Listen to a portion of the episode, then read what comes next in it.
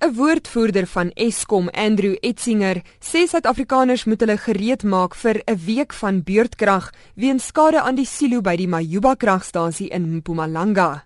Die silo met sowat 10000 ton het in mekaar gestort. Die oorsaak van die ineenstorting is nog nie bekend nie. As long as the conveyors are not able to get coal in, obviously we know we have a deficit which uh, potentially could carry into next week. We're working very hard to address the situation. We're bringing in uh, mobile uh, coal conveyors from other power stations uh, to Majuba as soon as possible. Eskom nooi alle kragverbruikers uit om sy webtuiste te besoek vir die rooster vir beurtkrag by loadshedding.eskom.co.za. Die vakbond Solidariteit het geen simpatie met Eskom nie en sê hy waarsku al vir etlike jare dat Eskom moet aandag skenk aan instandhouding. Dion Reyneke, Solidariteit se hoof van die energiebedryf, sê daar is ook 'n ernstige vaardigheidstekort by Eskom. Dit is ons bekommernis dat hierdie insidente gaan net al meer voorkom. Want as gevolg van geen instandhouding of swak instandhouding, is dit maar nou net die aanleg is besig om te verouder en en dit is nou wat wat gebeur. In 2007 het ons al begin waarsku en gesê julle moet kyk na mense met vaardighede, behou daai mense met vaardighede. Ons kom met baie ernstig gaan gaan amper boeke vat oor oor wat se vaardighede het hulle en wat kort hulle.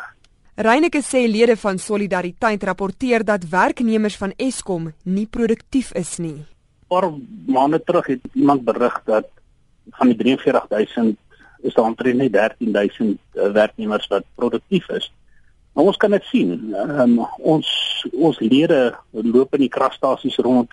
Hulle weet wat daar aangaan. Dit is terugte wat ons van hulle ontvang. Jy weet daar word 2, 3 mense aangestel wat om werk te doen wat in die verlede deur een persoon gedoen is. Die DA se skare minister van openbare ondernemings, Natasha Michael, stem saam dat 'n tekort aan instandhouding vir Eskom potjie Sy wys egter ook vinger na die minister van openbare ondernemings. Die DA sê dat die hele situasie heeltemal onaanvaarbaar is. Ons het vir so lank al vir die minister, uh, die vorige minister en die huidige minister gesê daar is 'n probleem met die maintenance van al ons stasies en substasies en dat aandag moet gegee word aan aan hierdie probleem. Maar weet jy die probleem met Eskom, hulle is so besig op die oomblik om geld te mors op uh, breakfast uh, met die New Age newspaper dat hulle vergeet om om 'n bietjie geld te spandeer op opgradering van hulle stasies en substasies.